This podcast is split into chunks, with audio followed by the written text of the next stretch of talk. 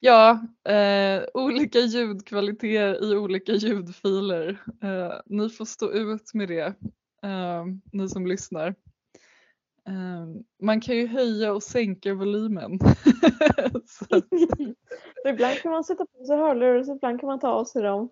exakt, bara så att ni vet alltså att det går att göra så.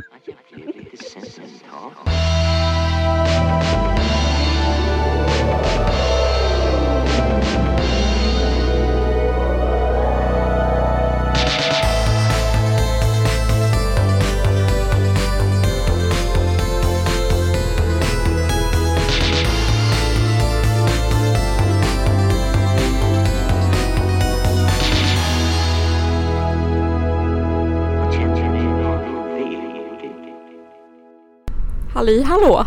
Halli hallå! Denna arla morgonstund.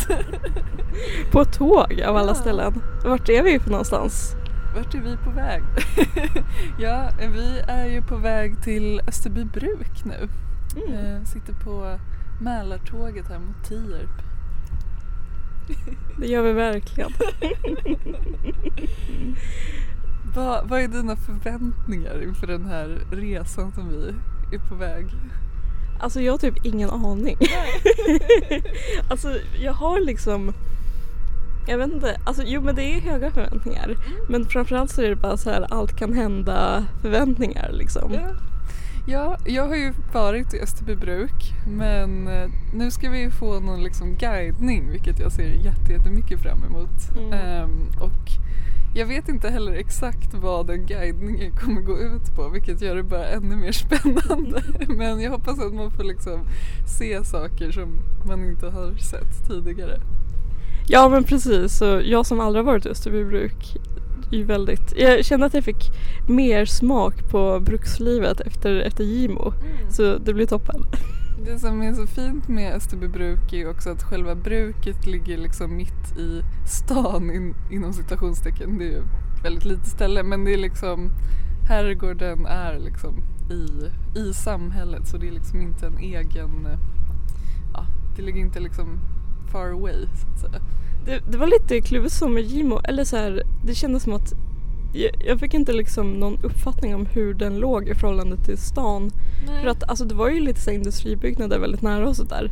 Men samtidigt så kändes det inte som att det var så här ett ställe där, i och för sig det var lite så radhus och så men det kändes ju inte som ett så ställe där folk bodde, bodde liksom. Nej, nej men precis. Jag, nej, jag vet inte heller vad förhållandet är där men jag antar att det är liksom en bit bort. Um, ja, gud, här åker vi norrut och det snöar jättemycket. Så kul att man åker verkligen norrut och det blir vinter. Winter is coming. Moa Marken, Sara Runesson, eh, Storvreta.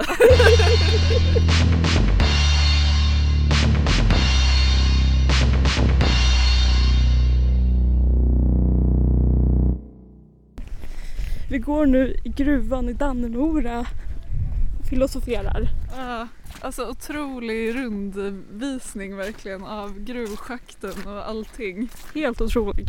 Och eh, min höjdrädsla har ju det också varit bra. Och jag fått träffa gruvfrun. Ja, Men det kan vi prata mer om sen. ja, ja. Over men and det out. var starkt. Det var riktigt starkt. Eh, Sara Runesson, Moa Marken, Dannemora.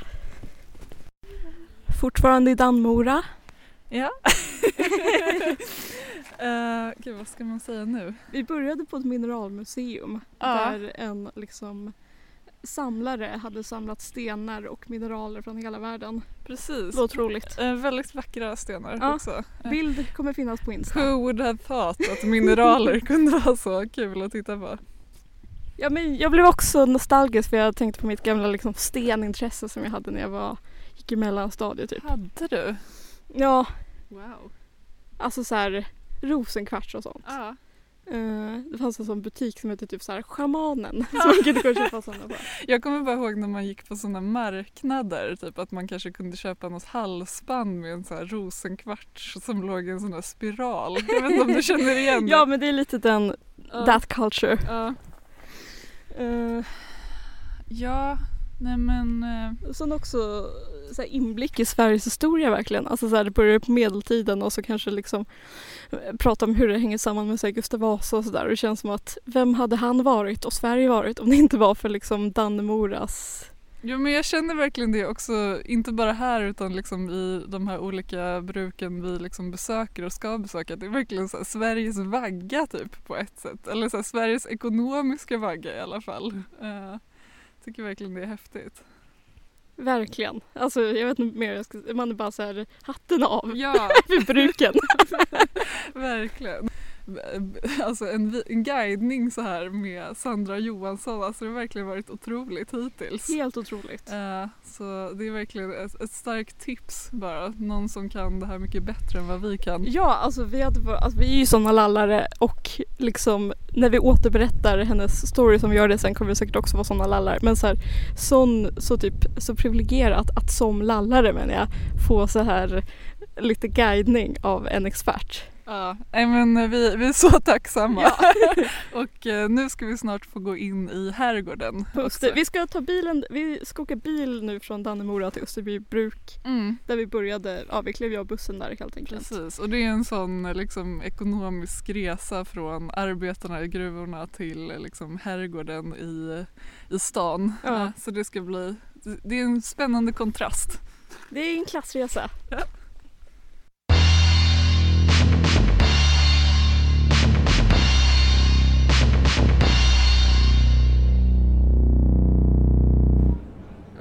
Ja, vi står här med två, två eldsjälar från Österbybruk. Eh, du kanske kan presentera dig? Ja, jag heter Sandra Jansson eh, och jobbar på Boka Uppland och även är vallonbruksguide. Har varit det sedan 2009 här i Österbybruk och Dannemora. Mm. Ja, du har ju tagit oss på en helt fantastisk guidning här precis. Men vi tänkte avsluta med att fråga vad, vad, tycker du är mest spännande eller intressant med Österbybruk och varför ska man åka hit kanske? Österbybruk har ju ett brett eh, liksom, intresse för alla sorters människor. Allt ifrån eh, eh konstateljéer till eh, industrihistoria till eh, vackra salonger i herrgården parken med lindarna från 1700-talet, orangeriträdgården.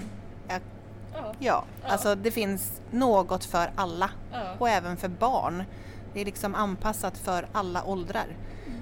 Och just historiens vingslag som finns i alla byggnader och i atmosfären i liksom hela Österbybruks herrgårdsområde gör att man, man känner ett lugn och man trivs. Mm. Har man något typ av historieintresse så är det ett ställe att åka till?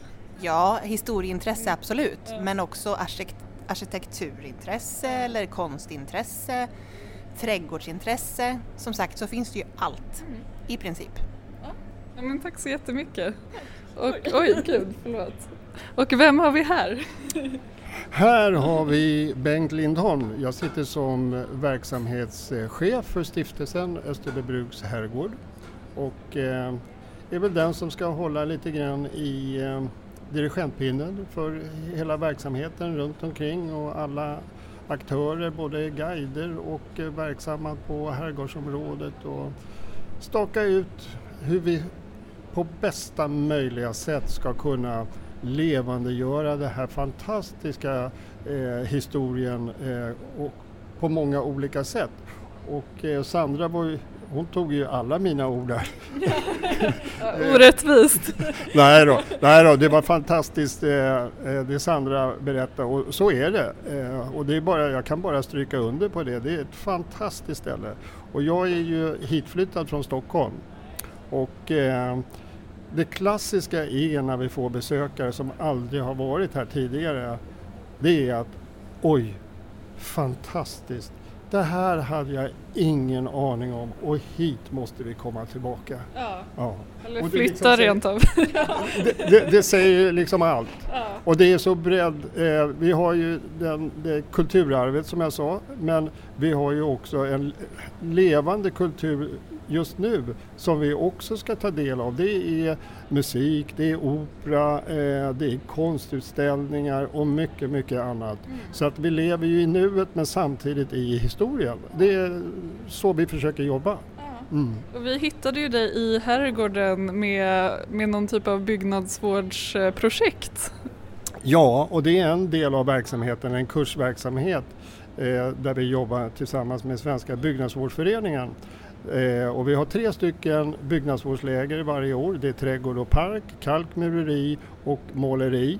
Där vi lär ja, deltagare i princip från hela Sverige att jobba med traditionella hantverk. Mm. Så att eh, det är också en del av verksamheten. Mm. Ja, det är mycket som finns här. Ja. Det, är så, det kommer så mycket att smälta för oss nu. Alltså, ja. så här, jag vet inte hur vi ska sammanfatta allt vi har sett idag. Nej, nej, det kommer bli svårt. Ja. yes. Men eh, tack så jättemycket för att ni vill vara med. Så ja, yes. åk till Österbybruk.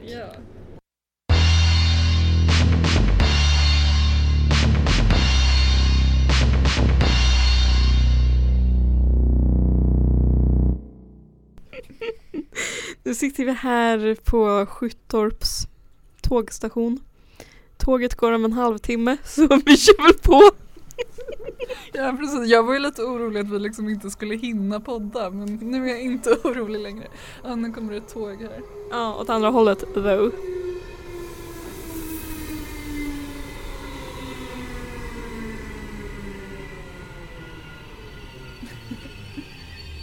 Vi satt och pratade om att det jag hoppas att det uppskattas av alltså er som lyssnar, alltså alla de här olika ljudbilderna. Ja och om vi inte har sagt det innan så kör vi ju fortfarande med den här en myggan. Mm. Att, eh, Men du har faktiskt beställt en dubbelmygga. Jag har beställt en dubbelmygga så eventuellt när vi kanske åker till Lövsta bruk som vi ska åka till så kan vi ha liksom varsin mick vilket kanske uppskattas av folk som lyssnar. Det kommer uppskattas av oss i alla fall eftersom vi tycker att det är så stelt att ha, fast man vänjer sig ju. Men eh, det känns, vi återkommer till det att det är så här, ja ni får ursäkta att vi bara har en mygga som gör att vi så här, måste ge den till varandra hit och dit. Ja skitsamma. Det tycker jag har varit väldigt så här, man har fått en lite annan syn på typ tid, förlåt mig. Men det är bra. jag känner mig som Alex och Sigge när de skrev den här boken Tid. Ja, just det. Ja. Livet är inte kronologiskt. Här kommer uppföljaren. Nej men bara så här, det var så när de berättade om någon damm som raserade eller vad det var. Och eh, hon bara, hur lång tid tror ni att det tog att bygga upp? Vi bara, hmm, kanske ett år. Det här var då på 1700-talet va? Mm. Bara 20 år. Ja, precis. Nej, det, man, man får perspektiv på, på livet. Liksom. Um, ett ställe som tydligen den här järnmalmen exporterades mycket till var Sheffield. Ja, jag blev så glad då. Och så visade hon lite bilder på olika saker som de här kunde användas till. Och det var bland annat något urverk och typ rakknivar. Mm. Alltså, man tänker någonting så stort som bara ska bli något så litet till någon så här adelsman i Sheffield. Ja. Jag blev glad mest för att jag gillar Sheffield. Alltså för att det är många bra band därifrån. Typ. Ja. Man känner uh. så här, vi har en connection. Ja. Jag tror bara jag tycker det är intressant, alltså typ hur världen ändå så här redan på typ 1600 och 1700-talet var liksom så connected. Mm. Jag tycker man tänker mycket att så här, ja men så här, jag menar att allting var bara så isolerade öar men Ja men precis, man tänker så här, folk reste aldrig från sin by. Nej. Utan de bodde på ett ställe och levde där och dog där. Mm. Men nej, det var Allting satt ihop mm. med Ostindiska kompaniet som vi också fick lära oss att många av de här patronerna var liksom olika sjökaptener mm. Alltså, Ostindiska kompaniet. Det är sexigt. Ja, verkligen så här, två olika liv. en kvinna i varje hamn kan jag tänka mig också. verkligen så. Riktigt så Evert Taube-stilen. Mm. Det var också en så här, det var, känns lite som ett tema att vi rörde oss mellan samhällsklasserna väldigt mycket. Och du, du som är intresserad av ekonomi. Kul att jag har kommit ut med det idag. Alla bara, vad bottnar du ens i det här? Svaret är typ nej, men but still. Ja men du kanske tyckte att det var kul. Ja, jag menar precis för det var ju som tre klasser, alltså de som arbetade i gruvan och sen vallonerna då som var liksom next in line. Ja, som Och- var mer smedje, smedjemän liksom. Precis, och sen hade man väl eh, patronerna och eh, ja, de som bodde på herrgården helt enkelt. Mm. Och den här Tam, jag minns inte vad han hette i förnamn. Kanske hette Jakob eller någonting. Mm. Blev så en riktig profil där, kallades för Gammeltammen. Vilket jag tyckte var ett otroligt smeknamn. Och det var Inne på herrgården så fanns hans spökande gamla, vad ska man säga, inte rullstol. Julstol. Hjulstol kallar de det. Ja. Alltså det var literally en stol med hjul på. Och typ, alltså hjulen var väl typ av järn eller så här. Ja. Och eh, ja, han använde den för att flytta sig och nu spökar den. Precis, den flyttar på sig. Mm. Rysningar. Nej men, eh, men det, det jag tog med från herrgården var ju att det var ju någon så här jättestor konstsamling som eh, hade funnits Och där. vet ni vad som fanns där? Inte nu då, men som liksom hade Mm. tillhört den samlingen. Berätta. Ja, den beslöjade damen. Av Rossini? Nej. Roslin. Ja precis, svensk det. Roslin. Eh, Ja men den är sån, jag tror även om man inte typ har läst konst att man känner igen den om man ser den. Ja, men Liksom. det känns också som att om man går in i Nationalmuseums eh, Mm. museishop så har de jättemycket merch kring den. ja, ja precis. Det är så en klassisk svensk målning får man säga. Mm. Alltså det känns som att den är up there med så här Karl XIIs likfärd och sånt. Ja. ja, och att den också är lite så flickan med pärlor hänge Ja, style. Det är den liksom. man tänker på, de Ja. känns väldigt lika. Precis, men svensk version. Mm. Men sen var det ju, nu kommer inte jag ihåg vem av dem det var, men någon av dem var väldigt bra polare med Jenny Lind. Det var ju Tam som hade någon ingift släkting som var väninna till Jenny Lind. Ja. Eh, och Även- att hon tydligen, ja, vi var i ett rum där hon hade suttit vid pianot. Mm. Och att hon använde Österbybruk som lite så här, alltså hon var ju sån superstar som man nästan inte kan fatta alltså, var möjligt på 1800-talet. Alltså det var väl så att folk blev typ ihjältrampade när, de, när det var Jenny Lind konsert. Typ. Ja. ja, det är svårt att liksom sätta sig in i. Eh, Men och så var det väl att han var lite kär i henne, eventuellt. Vem var Men- inte kär i Jenny Lind Ja, precis. Ehm, Det var ju också, det var kul för att Ja, vi hade ju också frågat om det här med kulturpersonligheter och sådär. mm. Och det kändes som att de pratade om så här, ja vi har väl inte så jättemånga egentligen och sen så bara kom det ett helt radband av dem. Ja, Och så alltså, här, Karl Eld, Bruno Liljefors. Han har en textilkonstnär som heter Vanja Brunsell men henne känner inte jag till. nej inte jag heller, stor 1900-talets början tydligen. Jag bara flika in att alltså det är så typiskt att så, här, så fort det är typ en kvinnlig textilkonstnär så har man så aldrig hört talas om det. Alltså förlåt men de är så liksom, Ja, men, de får ingen typ cred någonsin. just kombinationen kvinna och textilkonstnär är liksom Ja. helt, det gör att det bara är helt blankt i huvudet. Ah, men det var också Karl Håleman som hade varit med och eh, ritat. Men han var ju en känd arkitekt Ja. på 1700-talet. Det är säkert någon som jag har glömt bort här men det, var, det, var en, det kändes som en diger skara i alla fall. Ja.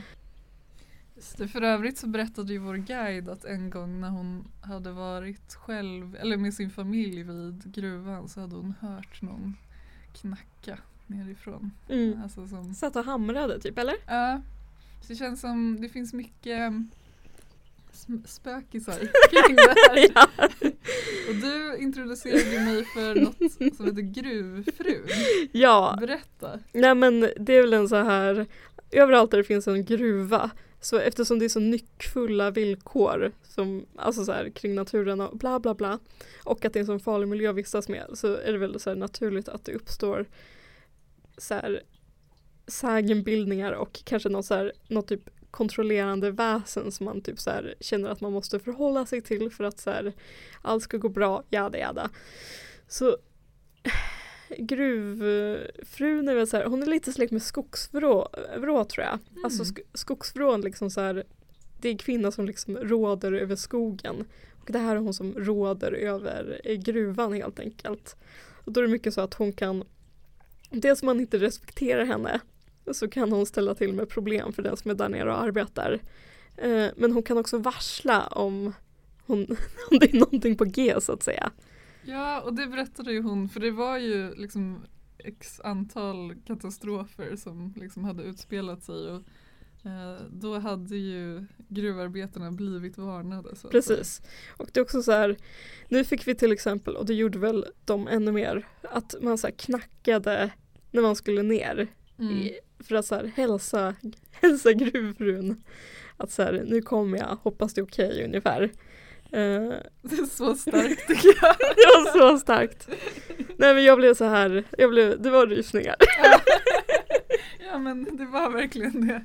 Alltså den blandad med min höjdrädsla gjorde liksom att jag kände mig så Jag håller med medveten om allt. Jag håller med om att det nästan var typ så det starkaste, alltså när vi var där ute, alltså nere i gruvan eller ovanför gruvan eller vad man ska säga, alltså när det var på den här höjden och sådär.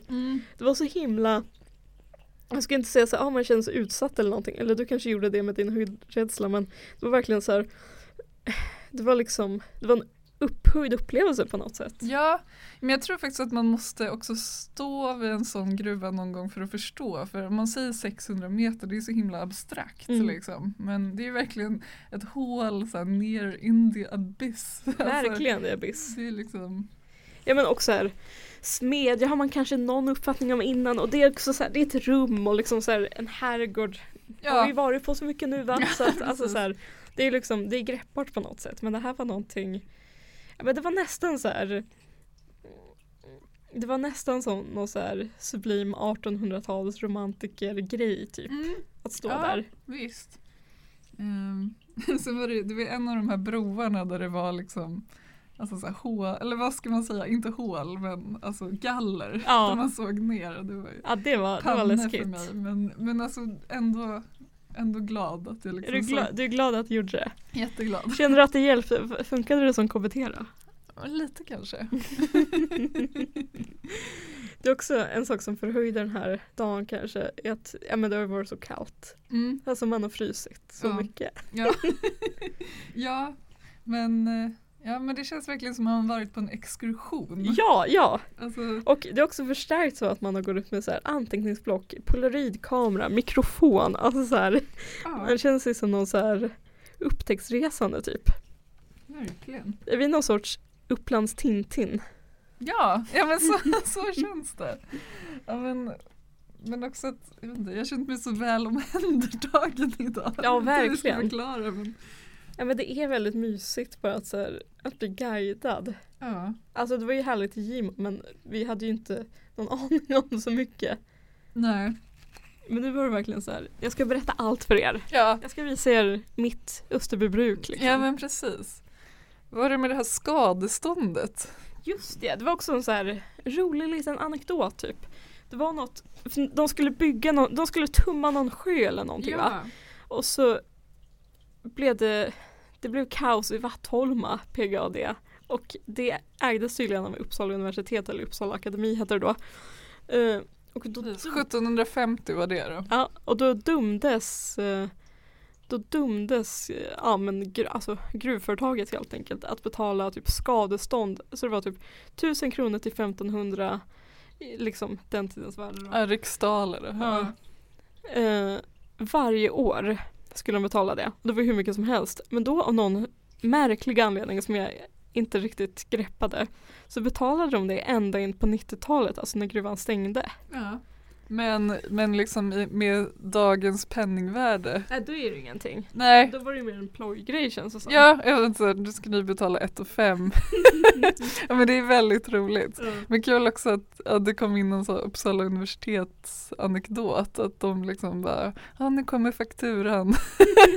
ja. Någon som sitter på något kansli och liksom bokför det här skadeståndet från Dannemora sjön. Det är väldigt kul. Det kanske kostar lika mycket att så här handlägga det som alltså så här, vad det kostar, alltså så här, det, de pengarna man får in så att säga.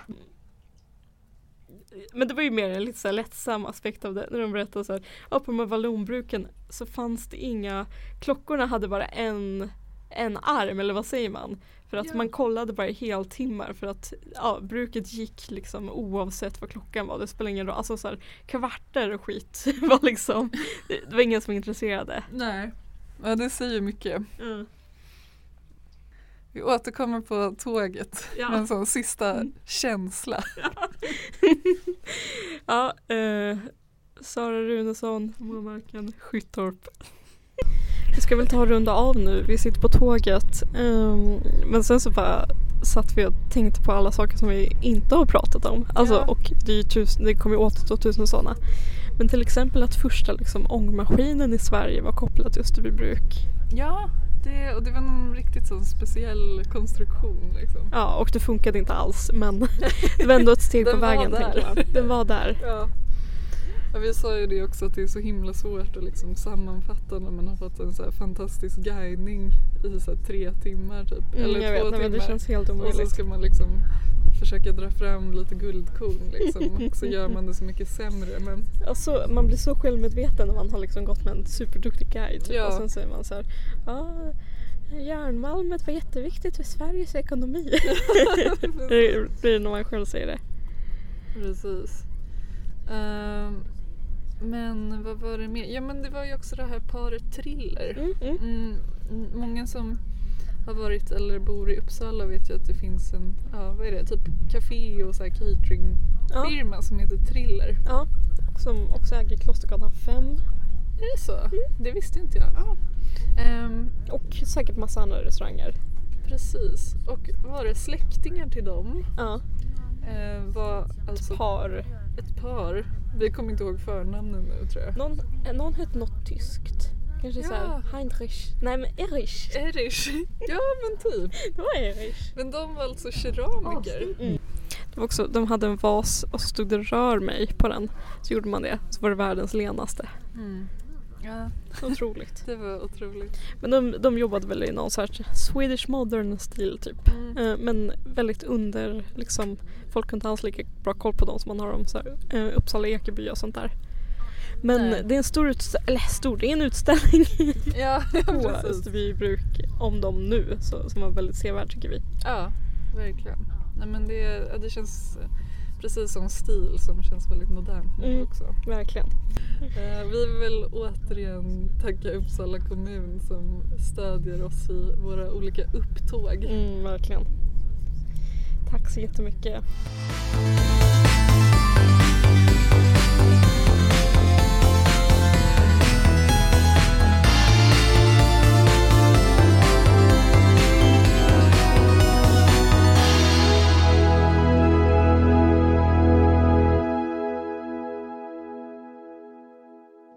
Nej men vi har ju haft eh, ljudproblemens, alla ljudproblems moder känns det som.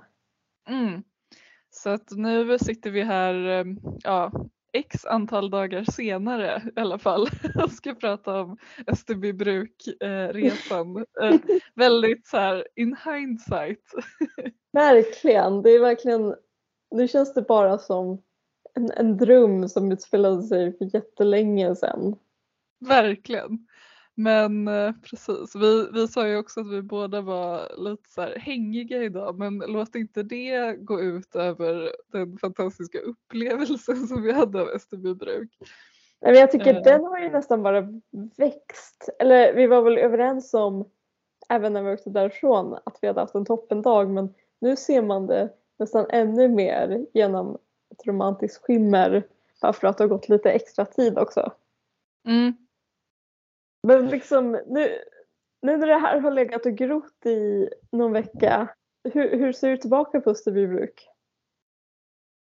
Ja men eh, jag känner mig så himla tacksam över att vi fick åka dit och eh, fick den här jättehärliga guidningen. Eh, det kanske jag redan har sagt men det känns som att vi fick ut så himla mycket av vi var ju där i liksom några timmar men det känns som att vi var där ett helt dygn typ i så informationstäthet eller vad man ska säga.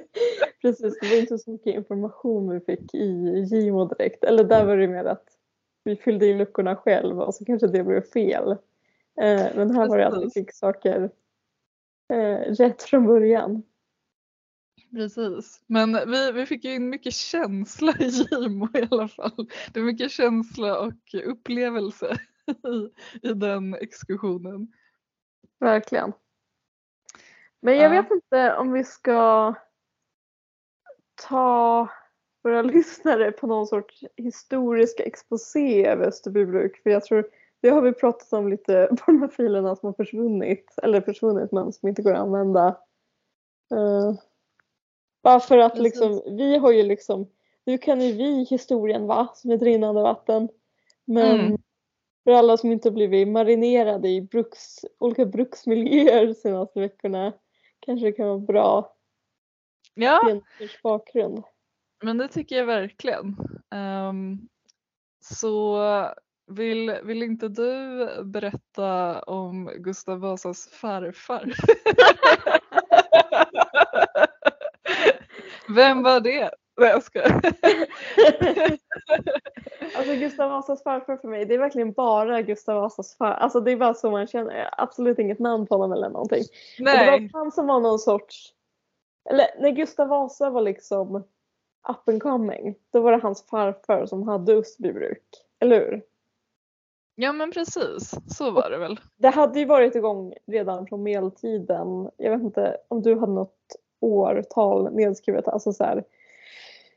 Men det känns som att det var under liksom Vasatiden som det började som det började hända saker på riktigt. Ja, precis. Det är inte Vasatiden som i de åren då Gustav Vasa var kung utan bara de åren när han blev Men... och hans familj var kopplade till Österbybruk på något sätt.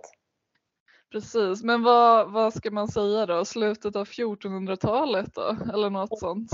Um, eftersom att Gustav Vasa blev krönt 1523, am I right? Det är visst något så. Det är något jubileum eller någonting tror jag. Ja, precis. Ja, men, nej men ja. Det är kul att det är just Gustav Vasa för att det känns som att Gustav Vasa är ju så himla mycket liksom, nationsbyggaren Gustav Vasa. Och det här bruket tillsammans med Gimo och eh, även Lösabruk som vi ska besöka om några veckor. Det är verkligen så här. Jag ska inte säga att det är liksom Sveriges vagga eller sådär för det vet jag att andra redan claimar på andra håll i landet. Men det är liksom, det är typ det är typ grunden för Sverige på så många sätt som man absolut inte förstod innan. Nej, man har väl liksom fattat ändå att så här, Uppland har varit väldigt betydelsefullt så här, generellt. Uh, men, men det är ju den här liksom också ekonomiska vägen uh, som vi väl kommer in på sen. Liksom. Uh, mm. Men vi, vi skämtade väl ganska mycket om liksom, ja, hur typ alla runt Vättern alltid säger att det är där allting började. Men här har vi vår chans att claima att här började det på riktigt va? ja men precis. Här, det som verkligen betydde någonting eh, i fråga om cash och så vidare började här. Precis. Man kan liksom västgötarna ha sin arn. ja exakt. De kan ha Jan Guillou eh, och Arn för sig själva. Um, nej, men, men det är också kul eftersom den här resan liksom har eller det, det, har liksom fått fram i ljuset ditt, ditt intresse för ekonomisk historia som vi inte alls kände till. Nej, det är också roligt för att jag kommer precis ifrån att ha sett eh, två avsnitt av Ekonomibyrån här innan vi spelade in. Så jag känner mig väldigt så in character med med eller ja, i min nya character kanske snarare. Men jag har kommit på att det är väldigt intressant eh, och att jag vill veta mer om det. Ehm, men precis, du fick reda på det för att jag hade haft den här mejlväxlingen med Sandra, vår guide.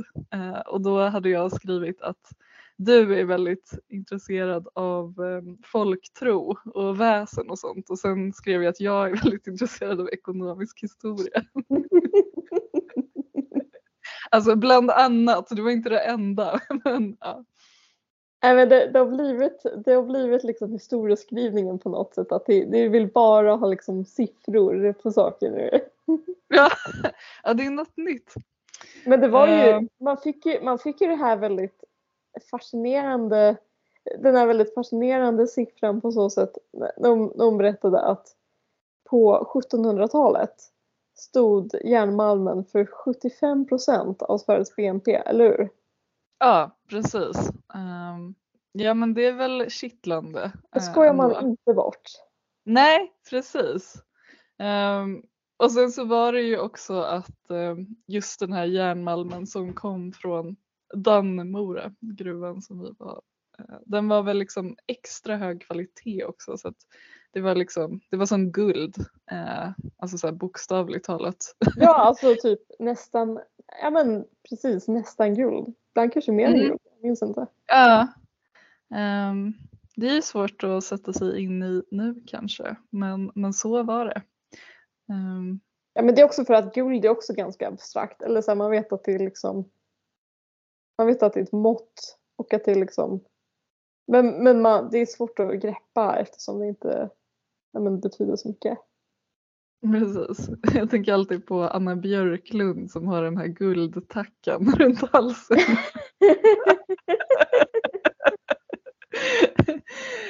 Ehm, hon, försöker, hon försöker väl också lajva lite så eh, liksom hushållsekonom på något sätt. Just det, om, om allting går åt helvete kan jag alltid sälja den här lilla guldtackan typ. Ja, ja men, men nog om det. Vi, vi kan ju fortsätta med vallonerna lite. Vilka var vallonerna? Nej, men det, det redde vi väl ut i Gimo men Ja, jag skojar. de spelade, eller de, deras liksom närvaro var ju på något sätt ännu mer påtaglig i Österbybruk eftersom ja, men det bland annat fanns den här minnesplaketten från, jag tror det var Belgiens eh, kulturdepartement eller någonting. De sa här, ja ah, det här är ett viktigt belgiskt eh, kulturminne eller något sånt där. Mm. För att det är liksom den sista vallongruvan. Nej, vallongruvan, vad säger jag? Vallonbruket Medie, eller ja, bruket, ja exakt. Ja, eh, i världen. precis. Eh, och smedja, exakt. Ja, så det är ju massa belgare som kommer dit eh, och kollar, fick vi reda på. Mm. Men, eh, men det är kul att tänka på vad Belgien var känt för innan de blev kända för våfflor och frites. Så att säga. Ja. Så ja, precis. Men och vi har väl pratat om Louis De Geer ganska mycket tidigare men han var ju verkligen spindeln i nätet för allt det här. Ja, men utan honom inget liksom Inga valloner i Sverige och, och det hade typ gått åt helvete med Sveriges typ krigsmakt och sådär för att han hjälpte oss att köpa tillbaka, vad var det? Det var någon fästning eller någonting. Ja det kanske det var, ja men precis. Jag kommer bara ihåg att, alltså jag tror också generellt typ armé och så här krigs, eh, Mm. eh, krigsmateriel. Eh, nu ser ni hur ekonomin spelar in här, inget krig utan cash.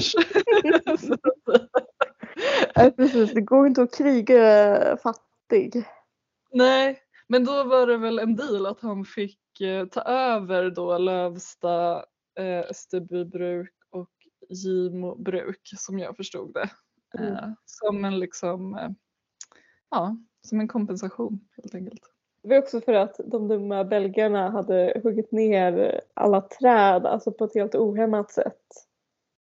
Så att, med, medan i Sverige hade man inte gjort det, så det var ju väldigt så, det var ju fruktsamt för dem att åka hit. Alltså för man kan också tänka så här, vad, vad skulle de hit och göra? Eh, här, där det är så kallt. Men eh, det var väl det här med skogen som lockade och att vi kunde erbjuda dem ja, men supermycket, alltså supermånga bra ja, men, fi, fina grejer helt enkelt. Ja precis, de fick ju massa privilegier i form av barnen fick gå i skolan, eh, ja, de slapp kriga då i sitt eget land. Eh, eller ja, här också antar jag. Eh, vad var det mer? Ja, de fick pension och ja, Socialförsäkring typ. ja, och som du sa förut, eh, att de fick utöva sin tråkiga religion. Ja, Calvinism. Ja, det är verkligen, det känns som en mardröms... eh, Ja. Eller det verkar tråkigt att vara kalvinist helt enkelt. Mm, precis. Men, eh, men ja, så att, så att i jämförelse då med de här ja, svenska arbetarna som stod i gruvorna så var ju de liksom eh, väldigt högre upp i rang så att säga. Mm. Än, eh, Inte gruvarbetare. för som de kallas för arbetarklassens adel. nej, eh, men det, jag tycker det är en, det är en träffande beskrivning. um, ja men precis, så de, de hade det ju ganska gött ändå. Um, men, um, men arbetarna då i gruvorna, hur, hur hade de det? Inte så bra. Nej. de var ju nästan livegna. Ja, precis. Ja, men, Men en, precis, en detalj eller som, som vår guide började berätta var väl också att det var ju lite så lurigt med de här fyndigheterna i gruvorna eftersom att man inte riktigt visste vad man skulle hitta när så var det liksom ingen idé att bygga upp ett samhälle i närheten så att arbetarna fick ju typ så gå en mil eh, eh ja, dit och tillbaka eh, varje dag och bodde någonstans längre bort i någon skog typ. Eh, så det är ju tänkvärt. ja, men, och ehm, de, ja, men då tänkte man också så här, kunde de inte fått åka så här, häst och vagn i alla fall? Men nej, de skulle tydligen gå. så, Ja, ja, precis. ja, hästarna hade de väl till att typ dra den här hissen som skulle gå upp och ner, var det inte så? Just. Men det var också, det var också liksom omskakande att höra om kvinnornas roll i, i gruvan och sådär. De var inte de och barnen var inte nere i gruvan och gjorde det kanske allra tyngsta arbetet men de hade ändå det de gjorde så att säga. Ja, det var ju det här med livspusslet redan då som vi skämtade om. Att eh, i och med att kvinnorna också behövde vara där och arbeta så fick vi höra en anekdot om att de brukade stå på den här lilla hissen som då var typ en tunna som åkte upp och ner. Att de brukade stå på kanten och sticka. det var en väldigt fin och eh, ja, jobbig bild samtidigt. Ja, men man, man blev liksom ödmjuk inför det på något sätt. Precis. Man, man ser sina egna problem i nytt ljus. Ja, men så här, ja, ja, jag måste jobba men jag måste också laga mat. Ja, men det är ändå, det, är ändå, det går.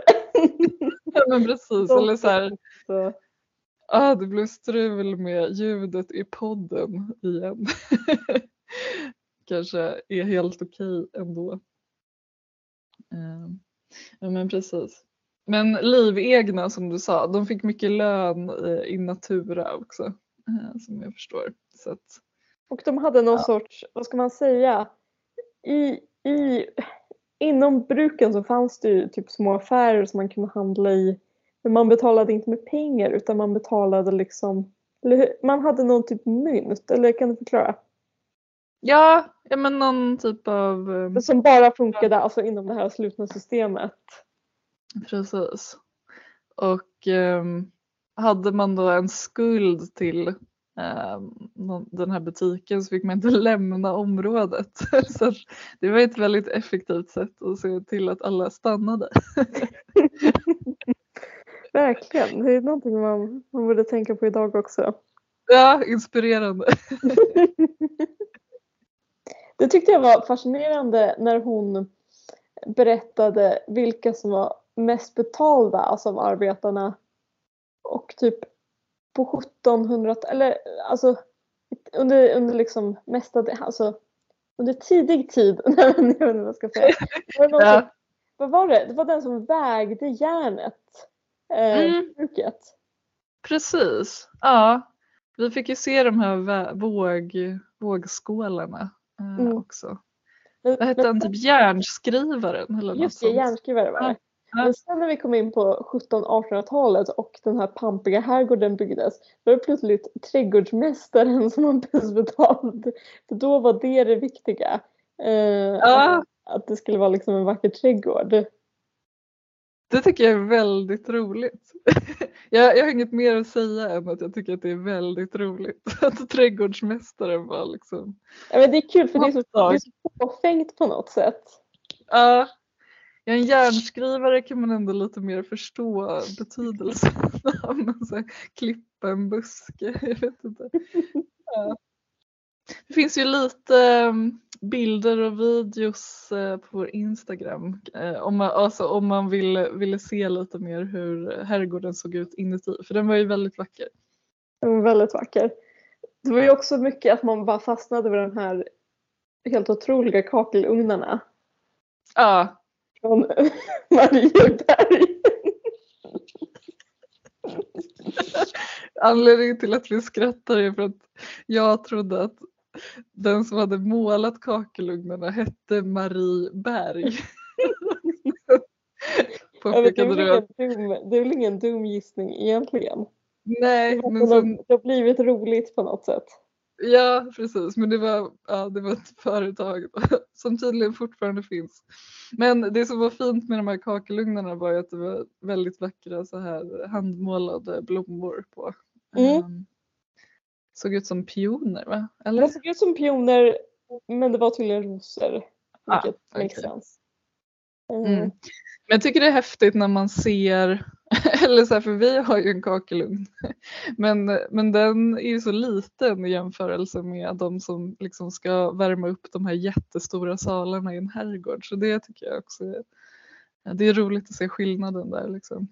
Mm. Eh, Det finns kakelugnar och kakelugnar. Så att, säga. Ja, men, och då har ju ändå ni, alltså jag tycker att ni har, särskilt den i vardagsrummet, jag tycker att den är otrolig. Så liksom. Men visst, det, det är klart att det är gradskillnader liksom. ja, Vi har ju inte pratat någonting om hur djupt det var och din höjdrädsla och lite sånt där. nej, Jag vet inte om det är kul. det, men det är väl lite kul. Det är kul. Mm. alltså det var så fruktansvärt djupt det här gruvschaktet. Det tål ändå att sägas. 600 meter va? Mm. Och eh, ja, våra guide illustrerade det här på ett väldigt bra sätt. Eh, hon kastade ner en sten.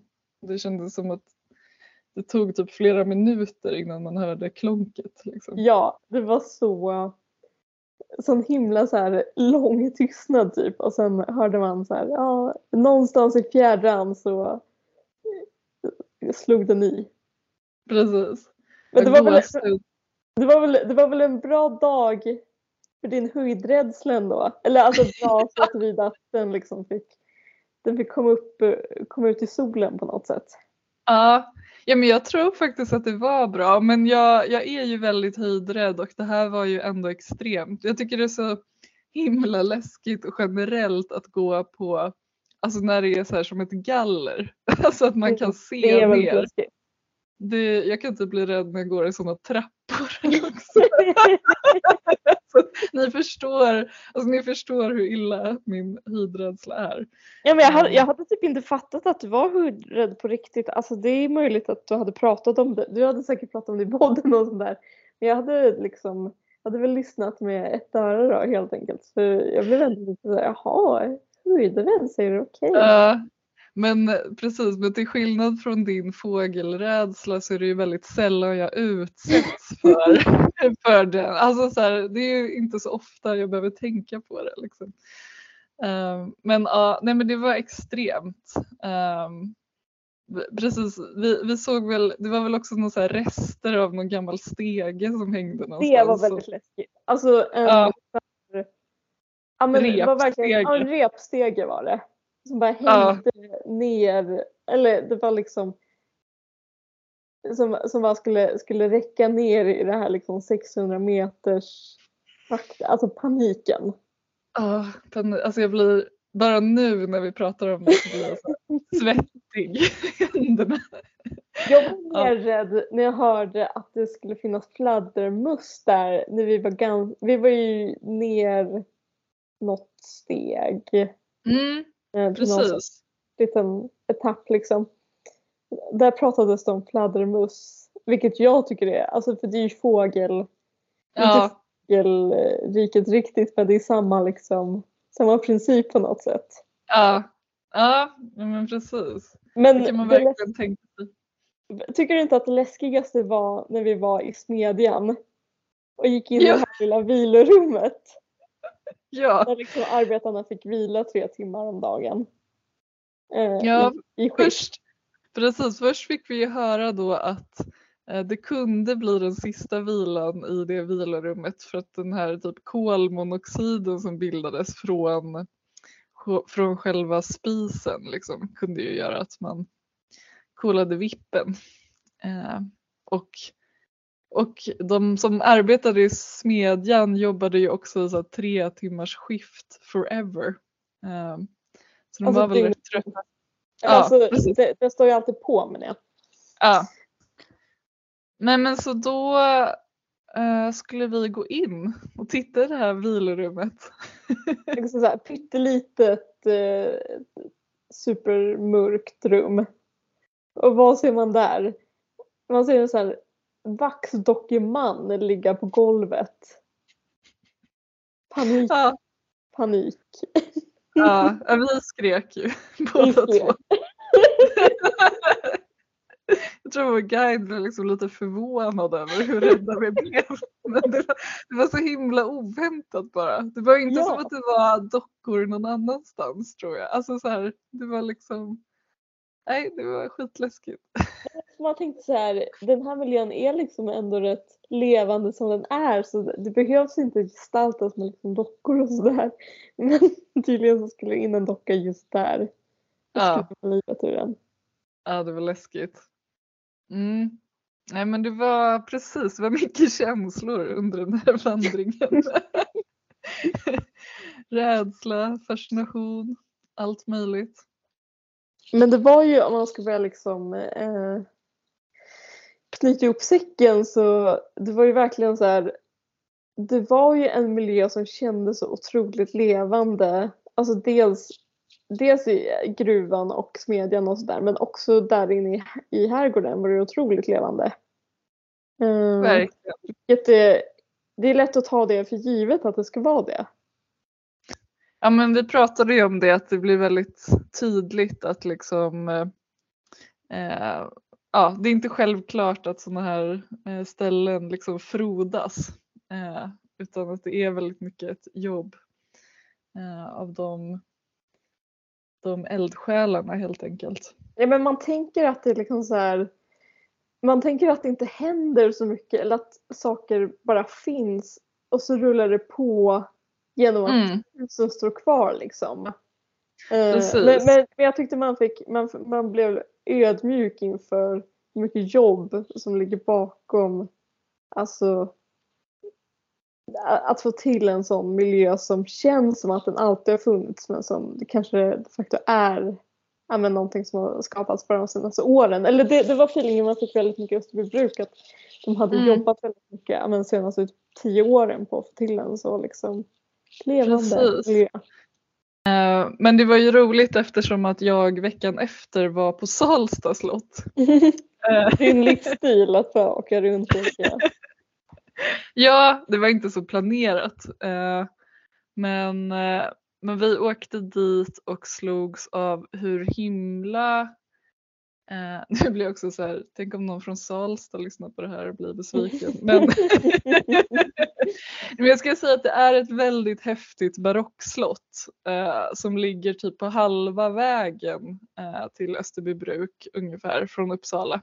Eh, så det är väldigt häftigt men när vi var där så liksom slogs man av hur att, ja, men det var inte i ordning gjort helt enkelt. Det var det som var poängen. Att då blev det också en så här stor kontrast till eh, hur bra allting var fixat i Österbybruk. Medan här var det så här, ja men swisha, entré och så var det liksom att man gick in i de här salarna och att det kändes som att det bara stod lite så här random stolar som de liksom har samlat ihop. Kanske från någon annanstans. Alltså så här, det, det kändes inte liksom kurerat överhuvudtaget. Nej men precis, det var lite mer hastverkskänsla helt enkelt. Ja, så man fattar att så här, någon måste ändå vara där och arbeta med det och liksom göra val. Ehm, inte bara konstnärliga utan liksom ehm, ja, få ihop det helt enkelt. Mm. Ehm, men ja, jag känner mig så elak mot Salsta. Jag kanske är liksom den knuffen i rätt riktning som de behöver. Ja, alltså men verkligen. Uh, men det är konstigt för att jag var ju där när jag läste konstvetenskap uh, och jag minns liksom inte hur det såg ut då. Jag, jag, minns inte att det var dåligt, eller för det känns som jag hade kommit ihåg om det var liksom en dålig guidning så att säga. Men, då men det att jämföra med, eller? Nej, precis. Men och det var ju också tio år sedan så att eh, det kan ju ha liksom hunnit bytas eh, eh, mycket personal eller vad man ska säga sedan dess. Mm. Um, ja, nej men så det visade verkliligen på att uh, de som arbetar med Österbybruk uh, har verkligen fått ihop det på ett snyggt sätt. Får jag bara säga lite apropå det, det tyckte jag var fascinerande om eh, Sandra, vår guide, pratade om att hon hade gått vallonguidesutbildning. Ja! På så här, eller det tyckte jag bara var så här, det, det kommer sluta med att vi gör det. Ja. nu, nu känns det som att vi ser liksom valloner och bruk överallt. Ja, alltså jag, jag gick ju hem och googlade för jag bara, vad är det Hur, När och var kan man gå vallonguidesutbildningen? eh, jag vet inte men Ja, precis. Nej, men, eh, det, kittlande tanken då. Det verkar ju som att man har väldigt roligt på jobbet i alla fall. Ja, och man får vistas i så här, spännande miljöer. Verkligen. Ja, nej men och eh, ja, men jag känner verkligen man har andan uppe nu inför eh, om några veckor när vi ska till Lövsta bruk också. Mm.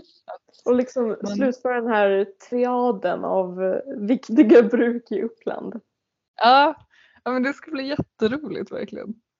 Ja, men det, är ehm. också, det är också så kul för att vi verkligen inte så, alltså när vi började planera våra projekt liksom, så var det verkligen inte det var, inte, det var inte tanken att det skulle bli så här stora liksom, bruksvallon eh, året det här och så har det blivit det.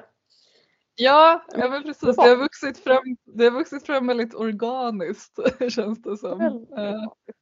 Men det är ändå nästan så att det känns som att det var meant to be på något sätt.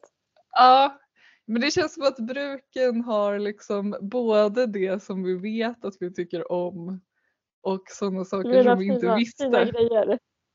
Ja men fina, fina grejer. grejer. Och ekonomi. Ja, precis. Någon liten sån eh, gruvfru eh, som Just det. poppar fram. Vi har fått väldigt fin hjälp kan vi säga från Boka Uppland men vi är ju inte sponsrade eller något sånt. Men mm. Väldigt bra. Och med det så lämnar vi er. Det gör vi. Tack för att ni har lyssnat. Tack. Nästa gång hörs vi från Lövsta tror jag. Det gör vi. Over and out. Over and out. att jag blev lite sentimental. Thank you.